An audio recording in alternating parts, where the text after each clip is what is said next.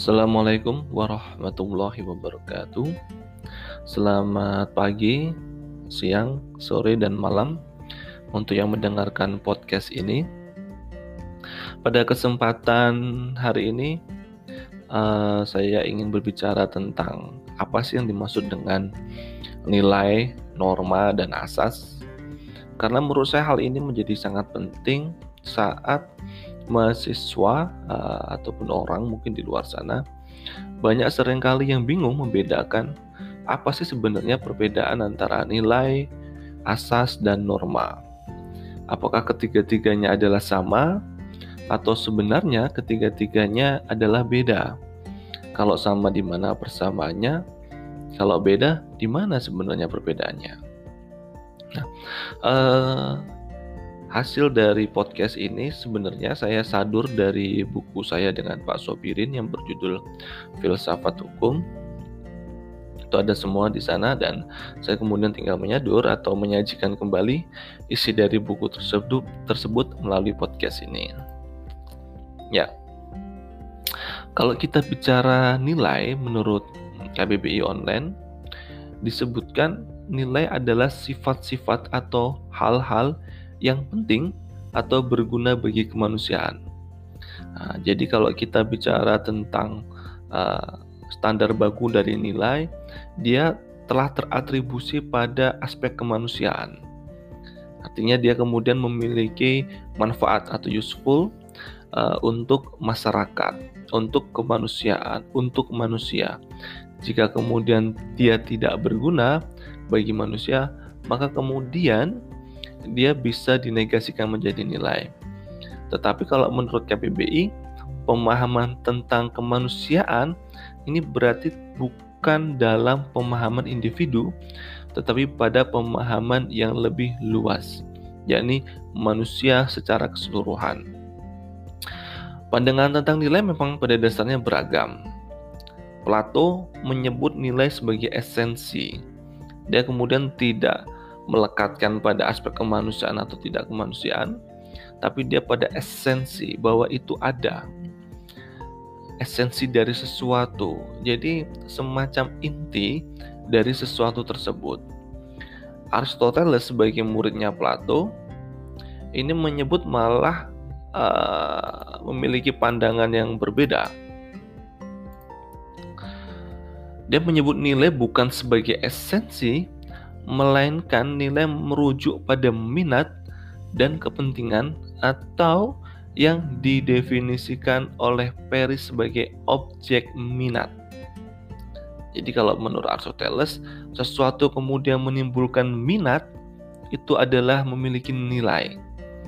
Minat atau hasrat atau ketertarikan nah, itu berarti dia memiliki nilai. Nilai tidak berarti sesuatu itu ada, namun juga dapat dikaitkan sesuatu itu seharusnya ada. Nih, kalau kita bicara seharusnya itu berarti das solent ya. Kalau ada itu berarti das sein, fakta. Seperti saat berbicara tentang demokrasi yang notabene belum dikenal oleh masyarakat, namun nilai kebebasan di dalam dirinya demokrasi sudah menjadi acuan dan tujuan masyarakat tertentu. Eh, sama seperti dulu saat uh, era-era kolonial belum ada konsep kebangsaan nation belum ada.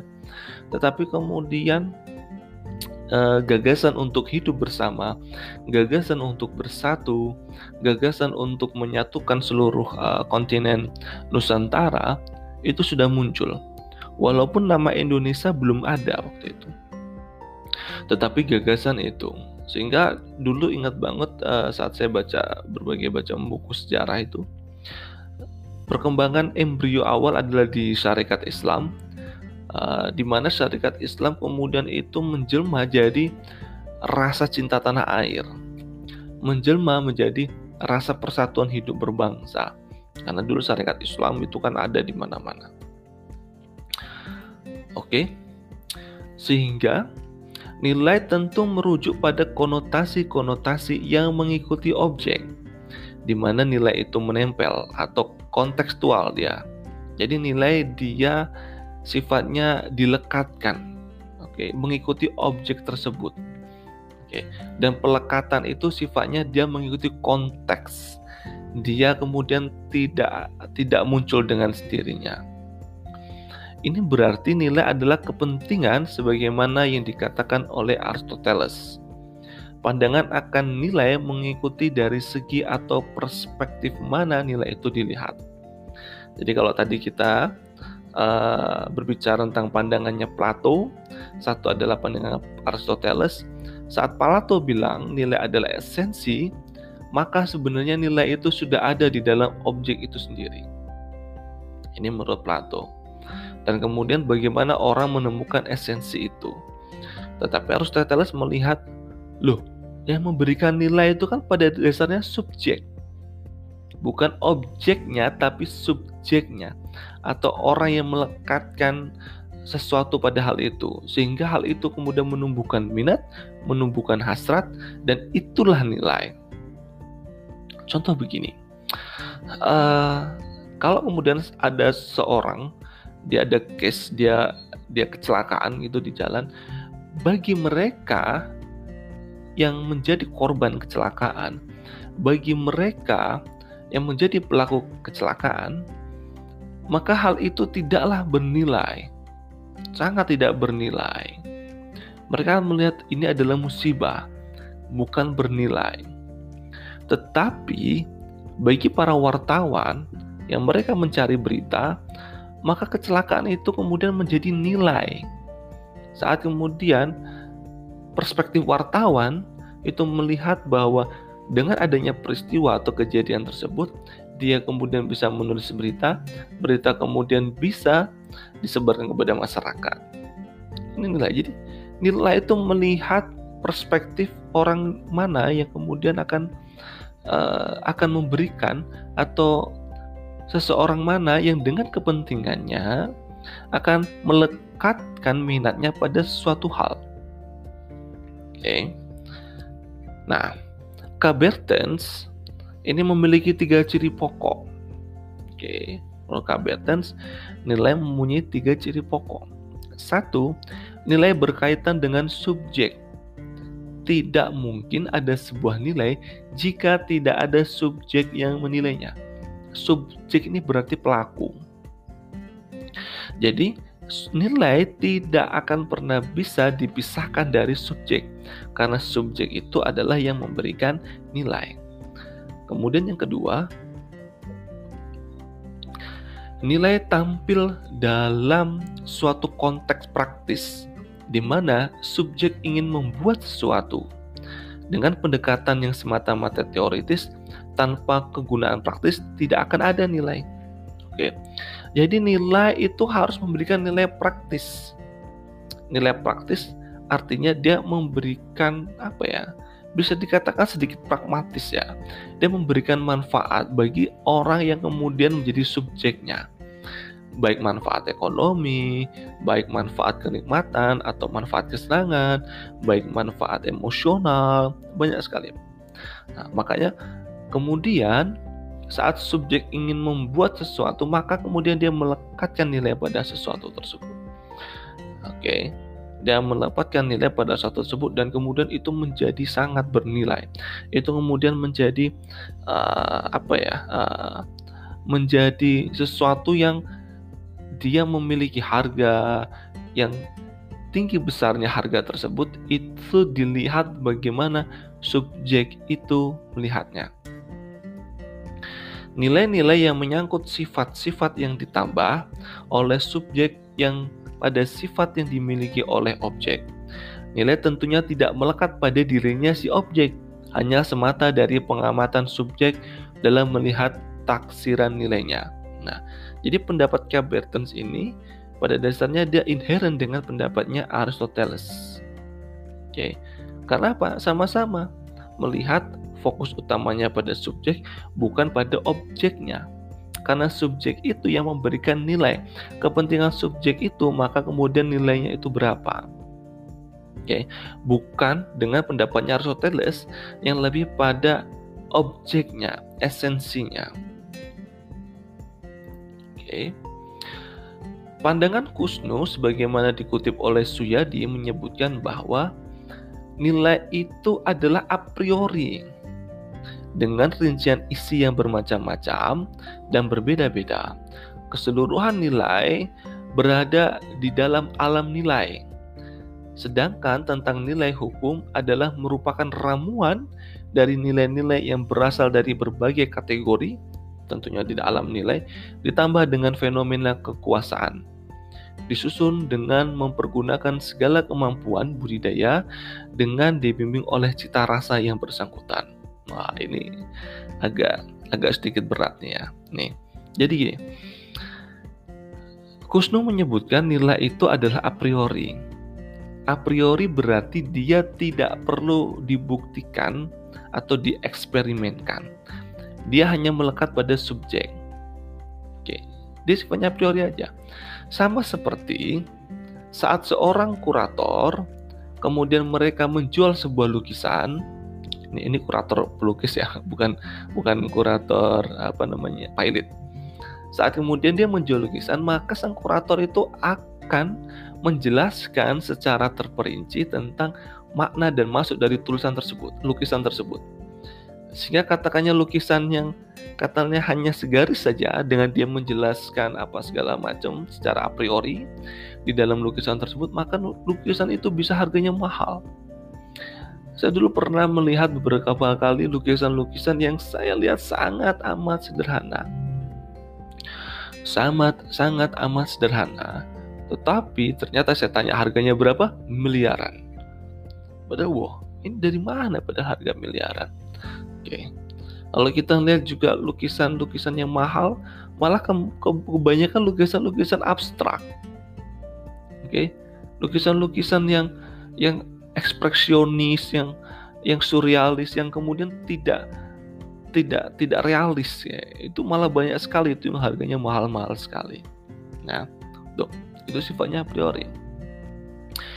Keseluruhan nilai berada dalam alam nilai. Oke. Nilai itu berada dalam alam nilai bukan dalam alam nyata. Contoh tadi lukisan itu kalau dia dilekatkan pada alam nyata, maka lukisan itu hanya dilihat model kanvasnya berapa sih, modal catnya berapa sih, modal apa namanya, jasanya berapa sih, nah, itu itu kalau kita hitung dalam uh, alam nyata. Tapi kalau kemudian kita hitung dalam alam nilai, maka kemudian suka-suka subjek. Dia mau berikan nilai berapa? Yang dibutuhkan adalah sedikit imajinasi untuk melekatkan nilai pada objek tersebut. Oke, jadi nilai itu berada dalam alam nilai. Kalau dalam aspek hukum, alam nilai itu kemudian ditambah dengan fenomena kekuasaan. Apa fenomena kekuasaan? Yakni otoritas. Otoritas uh, pemerintahan itu adalah fenomena kekuasaan. Contoh, undang-undang lalu lintas itu dia pada dasarnya tidak ada eksperimen. Bahkan undang-undang itu pada dasarnya tidak bisa tidak bisa dilihat secara secara real di dunia nyata hanya kemudian dapat dirasakan. Oke? Hanya kemudian dapat dirasakan. Hmm. maka kemudian orang memberikan nilai terhadap undang-undang itu plus ada fenomena kekuasaan. Barang siapa tidak melaksanakan maka kemudian dia bisa dihukum Makanya kemudian dibentuklah instrumen-instrumen hukum, alat-alat kekuasaan, alat-alat hukum untuk penegakan hukum, law enforcement. Ada polisi, ada jaksa, ada hakim, ada pengacara, itu ya. Kemudian setelah kita tadi bicara nilai, uh, bahwa nilai adalah uh, apa namanya sesuatu yang dilekatkan atau yang menarik minat atau bisa menjadikan intinya adalah uh, apa namanya inti yang kemudian diberikan uh, diberikan uh, diberikan harga diberikan sesuatu makna dan lain sebagainya maka kemudian itu menjadi nilai. Nah kemudian yang kedua adalah asas. Oke asas. Asas kalau kita mengacu pada KBBI asas bahasa Inggrisnya prinsip ya uh, dia adalah dasar hukum dasar atau dasar cita-cita Jadi istilah asas itu dia mengacu pada kata dasar. Oke. Prinsip. Kalau bahasa Inggris kan prinsip. Makanya dia adalah di prinsip itu kan juga sesuatu yang jadi pegangan atau menjadi dasar. Hidup harus punya prinsip. Maka kemudian hidup hidup harus punya pegangan yang mendasar itu apa? Hukum harus punya dasar yang mendasari hukum itu apa? Oke. Sifat asas sebagai dasar maka harus jelas dan fleksibel. Oke. Asas dapat juga dikatakan sebagai prinsip yang menjadi patokan dalam melihat suatu hal tergantung konteks penggunaannya. Nah, asas ini juga tidak muncul begitu saja. Oke, dia tidak tidak muncul karena asas ini merupakan kristalisasi dari nilai-nilai yang tersebar. Nih, asas adalah kristalisasi nilai-nilai yang tersebar. Kristalisasi itu berarti kan dipadatkan. Oke. Jadi kalau kita bicara tadi nilai, nilai itu sifatnya dia sangat abstrak. Kemudian asasnya atau prinsip yang kemudian menjadi dasar dari asas ters apa yang menjadi kristalisasi dari nilai nilai tersebut itu dia lebih memadat. Oke. Jadi asas itu pada dasarnya dia adalah padatan dari nilai-nilai. Sacipto Raharjo menyebut asas hukum sebagai jantungnya peraturan hukum. Ingat, berarti kalau dia adalah sebagai jantungnya, tanpa jantung hukum itu mati. Asas merupakan pondamen atau dasar yang paling luas bagi lahirnya suatu peraturan hukum maupun sebagai alasan lahirnya peraturan hukum atau rasio legis dari peraturan hukum. Oke. Asas memang bukanlah hukum, dia melanjutkan, juga bukan sebagai norma dalam arti yang sebenarnya. Namun, tidak ada hukum yang tidak bisa dipahami tanpa mengetahui asas-asas hukum yang ada di dalamnya. Nah, jadi kalau kita bicara tentang asas, ini mirip bicara tentang teori sebenarnya. Kalau dalam dalam pemahaman hukum. Jadi gini. Urutannya adalah nilai kemudian dia dikristalisasi menjadi asas, dari asas ini kemudian dia menjadi norma atau menjadi hukum. Maka itu adalah urutannya.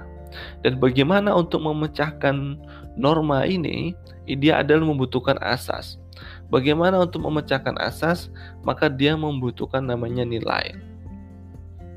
Makanya di sini disebut adalah asas adalah jantungnya hukum asas buk asas hukum itu bukan sesuatu norma yang konkret atau peraturan hukum berbeda jadi asas uh, atau atau namanya namanya atau prinsip itu bukanlah suatu norma konkret atau peraturan hukum makanya dalam konstruksi teorinya asas itu biasanya dia tidak tertulis asas itu biasanya tidak tertulis walaupun yang agak aneh adalah di dalam peraturan perundang-undangan atau dalam undang-undang di situ sering disebutkan asas-asasnya. Padahal cara teori harusnya dia tidak tertulis. Karena asas apa pun itu dia bisa melekat di dalam hukum. Asas harus tetap menjadi asasnya. Sifatnya tidaklah konkret sehingga tidak dapat diterapkan secara langsung. Sedangkan norma bersifat konkret dan diterapkan secara langsung. Oke, jadi asas dia tidak bisa menjadi norma. Kalau kemudian asas dinormakan, maka kedudukannya sudah bukan asas lagi. Kedudukannya dia sebagai norma sudah, sudah bukan asas lagi. Maka ini harus penting untuk diperhatikan. Dalam hal asas dengan norma, maka asas itu adalah cara atau uh, metode untuk menafsirkan norma. Oke. Okay. Cara penerapan asas hukum adalah melalui pertimbangan-pertimbangannya. Untuk mencapai sebuah putusan yang baik, seorang hakim tentu dapat menambahkan pertimbangan-pertimbangan berdasarkan asas hukum di samping hukum konkretnya, karena sifat dari asas memanglah tidak langsung menghukum. Contoh nih, jika seorang hakim dia memen, uh, dia mendapati ada kesulitan penerapan hukum, kan sudah menjadi hal yang uh, jamak diketahui bahwa hukum kita sering kali tumpang tindih. Ya kan? Hukum kita antara hukum yang satu dengan hukum yang lain kadang-kadang tidak sinkron. Bahkan kadang-kadang bertentangan. Maka untuk memecahkan masalah itu diperlukan asas. Ada asas keadilan, bagaimana kemudian hakim itu melihat aspek keadilannya, paling tidak rasa keadilannya. Oke. Rasa keadilan dalam masyarakatnya atau kemudian dilihat dari spesialisnya kan makanya ada asas leg spesialis derogat lagi generalis. Nah, itu kemudian asas-asas itu yang digunakan. Asas tidak berlaku secara universal atau tidak selalu bersifat secara universal karena setiap tempat selalu memiliki asas atau nilai yang berbeda. Oke, asas juga masih terbatas pada dimensi ruang dan waktu, sehingga berlakunya asas sesuai dalam kurun waktu atau periode atau masa tertentu. Jadi tidak bisa asas itu sebenarnya berlaku universal. Makanya seperti lex specialis derogat legi generalis, seharusnya kita harus melihat pandangan Indonesianya atau secara budaya kita. Apakah hal-hal seperti itu juga bisa diakomodir? Apakah asas equality before the law itu juga bisa diakomodir atau itu sesuai dengan nilai atau konstruksi nilai yang ada dalam budaya kita. Makanya dari sistem kebudayaan itu kemudian mereka uh, membuat nilai atau melekatkan nilai yang kemudian itu dikristalisasi menjadi asas, asas kemudian itu dikonkretasi menjadi norma. Makanya sering dikatakan bahwa hukum pada dasarnya adalah produk dari kebudayaan. Perwujudan asas seperti nilai-nilai keadilan harus ditegakkan sebagai bagian dari tuntutan dan kebutuhan masyarakat. Oleh karenanya, ada kecenderungan dalam konsepsi masyarakat kekinian bahwa keadilan tidaklah memandang kasta atau derajat seseorang. Oke, hal ini kemudian diterjemahkan dalam segala aspek, terutama dalam hal pekerjaan.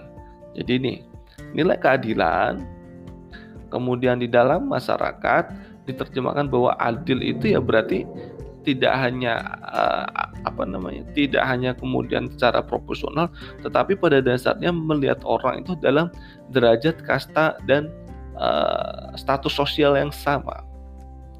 Sehingga apa?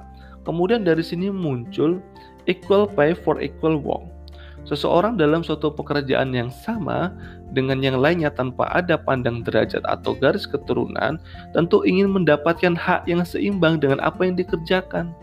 Jadi emancipatif. Jangan kemudian dia sudah bekerja lebih keras, tetapi kemudian temannya dia bekerja lebih sedikit, tetapi hasilnya dapatnya yang lebih sedikit. Makanya walaupun kemudian dalam hal ini kita tidak bisa gebiah uyah kalau dalam orang Jawa bilang tidak bisa menyamaratakan karena juga ada istilah selain uh, bekerja keras ada istilah bekerja cerdas. Oke, ya. Bekerja cerdas ini yang bisa kemudian mendapatkan uh, feedback yang cukup banyak. Asas ini kemudian menjadi pakem bagi pekerja atau pengusaha untuk memperlakukan setiap anak buahnya secara adil. Karena kalau kemudian dia pimpinannya tidak adil, ya dia tidak bisa dong kemudian uh, diikuti oleh anak buahnya.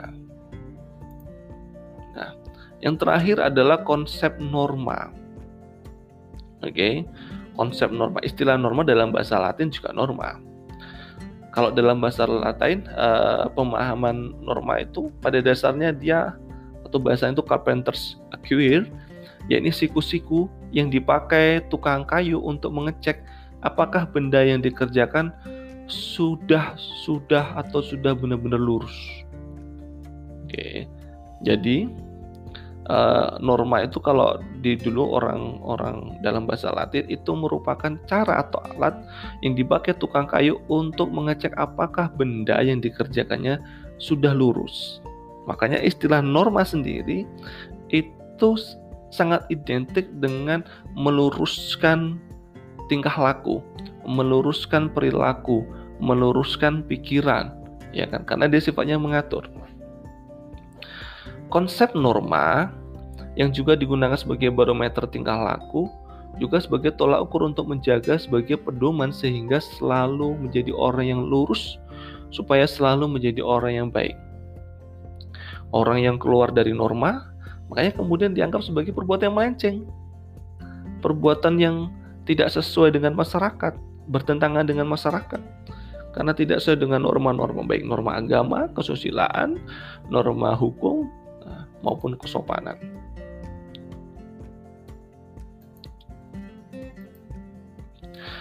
Norma sendiri adalah aturan atau standar dan ukuran yang sudah pasti dan dapat dipakai untuk membandingkan sesuatu yang lain yang diragukan hakikatnya atau besar kecilnya. Maka dalam konteks ini, kalau kita bicara norma, maka dia adalah jelas dia adalah jelas. Makanya kalau norma sering kali kejelasannya adalah dia bisa dalam perilakunya atau dia ada dalam tulisan-tulisannya atau hukum tertulis. Oleh karena sifatnya sebagai ukuran terhadap suatu hal, maka pembentukan norma ini pun tidak sembarangan. Jadi untuk membuat norma itu tidak boleh sembarangan karena sifatnya untuk meluruskan segala sesuatu bukan untuk membengkokkan segala sesuatu. Inilah kemudian menjadi kritik dari Sacipto Harjo bahwa hukum sering kali bersifat kriminogen, yakni hukum membuka peluang-peluang untuk melakukan tindakan-tindakan yang melenceng. Contoh, menebang hutan dengan sembarangan atau alih konversi lahan dengan sembarangan. Nah, padahal itu juga diakui dalam regulasi dan secara norma dengan nilai itu sebenarnya sangat bertentangan. Kalau dalam masyarakat ada istilah ubi societas ibius, di mana ada masyarakat pastilah ada hukum, karena pasti ada sesuatu yang mengaturnya.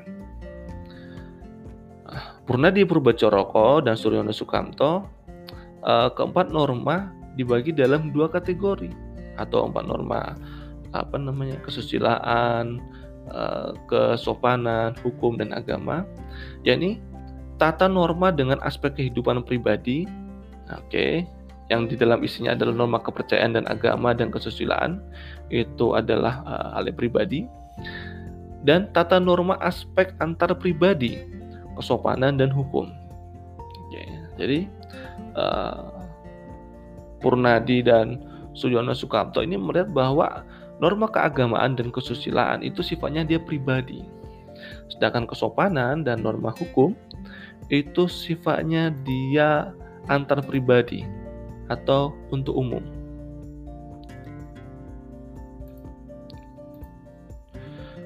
Kemudian bagaimana dengan uh, norma hukum?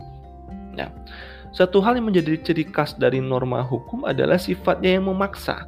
Namun ingat, sifat memaksa ini bukanlah esensil karena hukum pada dasarnya dia sifatnya yang memaksa, tetapi dia tidak membatasi atau mematok. Karena pada dasarnya hukum masih memberikan pilihan orang untuk melakukan pelanggaran, tetapi dengan konsekuensinya, ya kan? Hukum akan kehilangan wibawa jika tidak ada daya paksanya. Karena sesuatu dikatakan sebagai norma jika memang norma tersebut dapat dilaksanakan dan juga ada paksaan. Baik paksaan itu melalui otoritas yakni negara maupun paksaan itu secara komunitas atau melalui masyarakat. Sanksi hanya dapat hanya uh, akibat dari ditaatinya hukum bukanlah ciri hukum. Jadi ciri hukum yang utama itu sebenarnya bukan sanksi. Karena pada dasarnya hukum kan untuk mengatur supaya benar, bukan semata-mata memberikan sanksi. Sanksi itu kan hanya untuk menakut-nakuti. Jadi bukan esensial sanksi itu. Bukan esensial. Malah lebih memaksanya esensial. Kemudian orang itu benar-benar dia bisa lurus orang kemudian menjadi baik, orang kemudian menjadi teratur. Makanya sering dikatakan dogmatik hukum. Hukum adalah dogma, udah percaya, harus langsung melaksanakan. Tidak ada kemudian kritik di situ selama hukum itu belum dirubah. Bagaimana korelasi nilai asas dan norma? Oke. Okay. Bahwa hukum pada mulanya sebagai realisasi ungkapan pikiran manusia yang pada masa awalnya hanya berupa nilai-nilai ini menurut uh, menurut dari uh, New Wind Swiss mengatakan bahwa hukum pada mulanya sebagai realisasi ungkapan pikiran. Jadi dia di dalam pikiran, kemudian pada awalnya hanya berupa nilai yang abstrak, sifatnya dan berakar dari kenyataan masyarakat tersebut. Sehingga